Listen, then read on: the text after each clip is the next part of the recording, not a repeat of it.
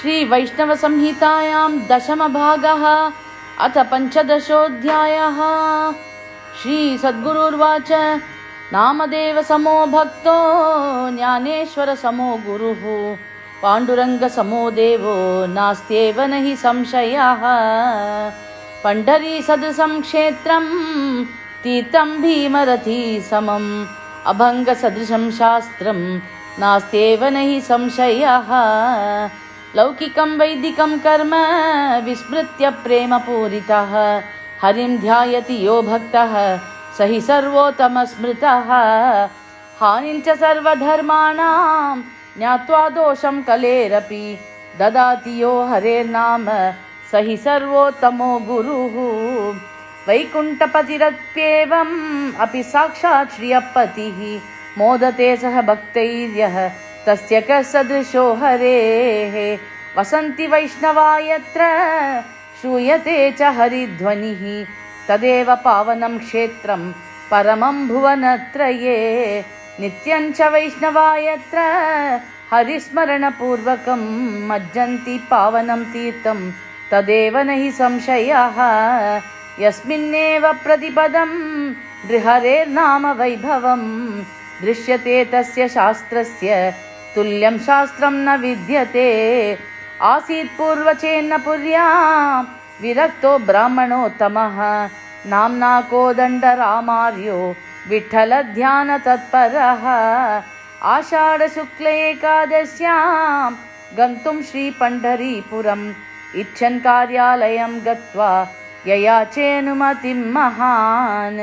पाश्चात्यैस्तवः स्वामी ददावनुमतिं न च चिन्तामवाप भक्तश्च बहुधा दूनमानसः।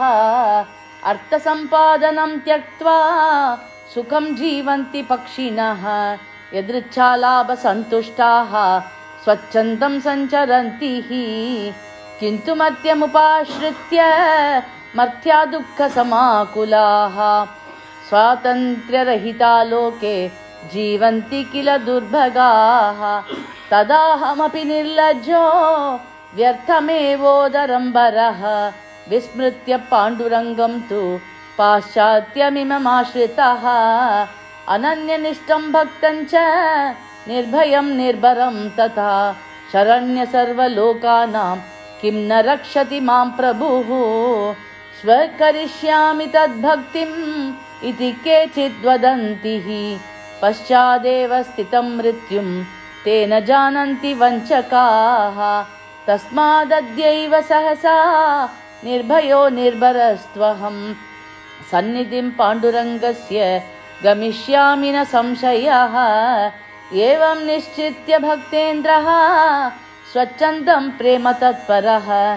त्वरया पण्ढरीं गत्वा पाण्डुरङ्गं ददर्श सः साकं भागवतैस्तत्र कृत्वा सन्दर्शनं हरेः विलुटन् प्राप चानन्दं तेषां पादाब्जरेणुषु।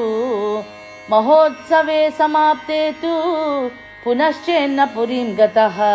कार्यालयं समागत्य पाश्चात्यं तं ददर्श च।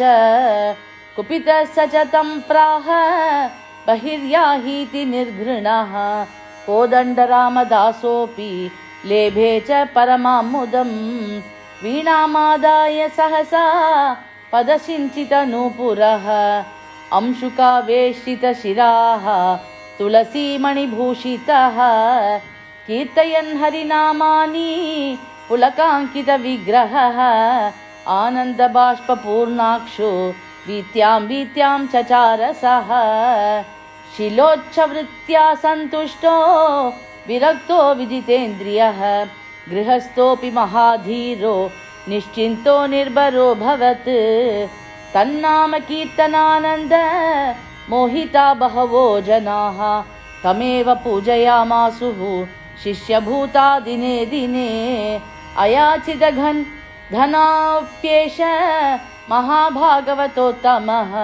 निर्ममे पाण्डुरङ्गस्य चेन्नपुर्यां च मन्दिरम् तत्रापि स्थापयित्वा तं विठ्ठलं रुक्मिणीपतिं नित्योत्सवं तथा कुर्वं चकार सुखजीवनम् नित्यं शिष्यसहस्रेण सञ्चरन् पृथिवीतले जगदानन्दयामास हरिसङ्कीर्तनेन सह।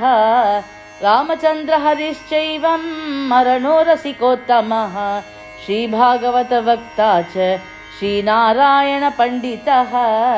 अन्ये च वैष्णवाश्चासन् सत्सङ्गे तस्य सुव्रताः।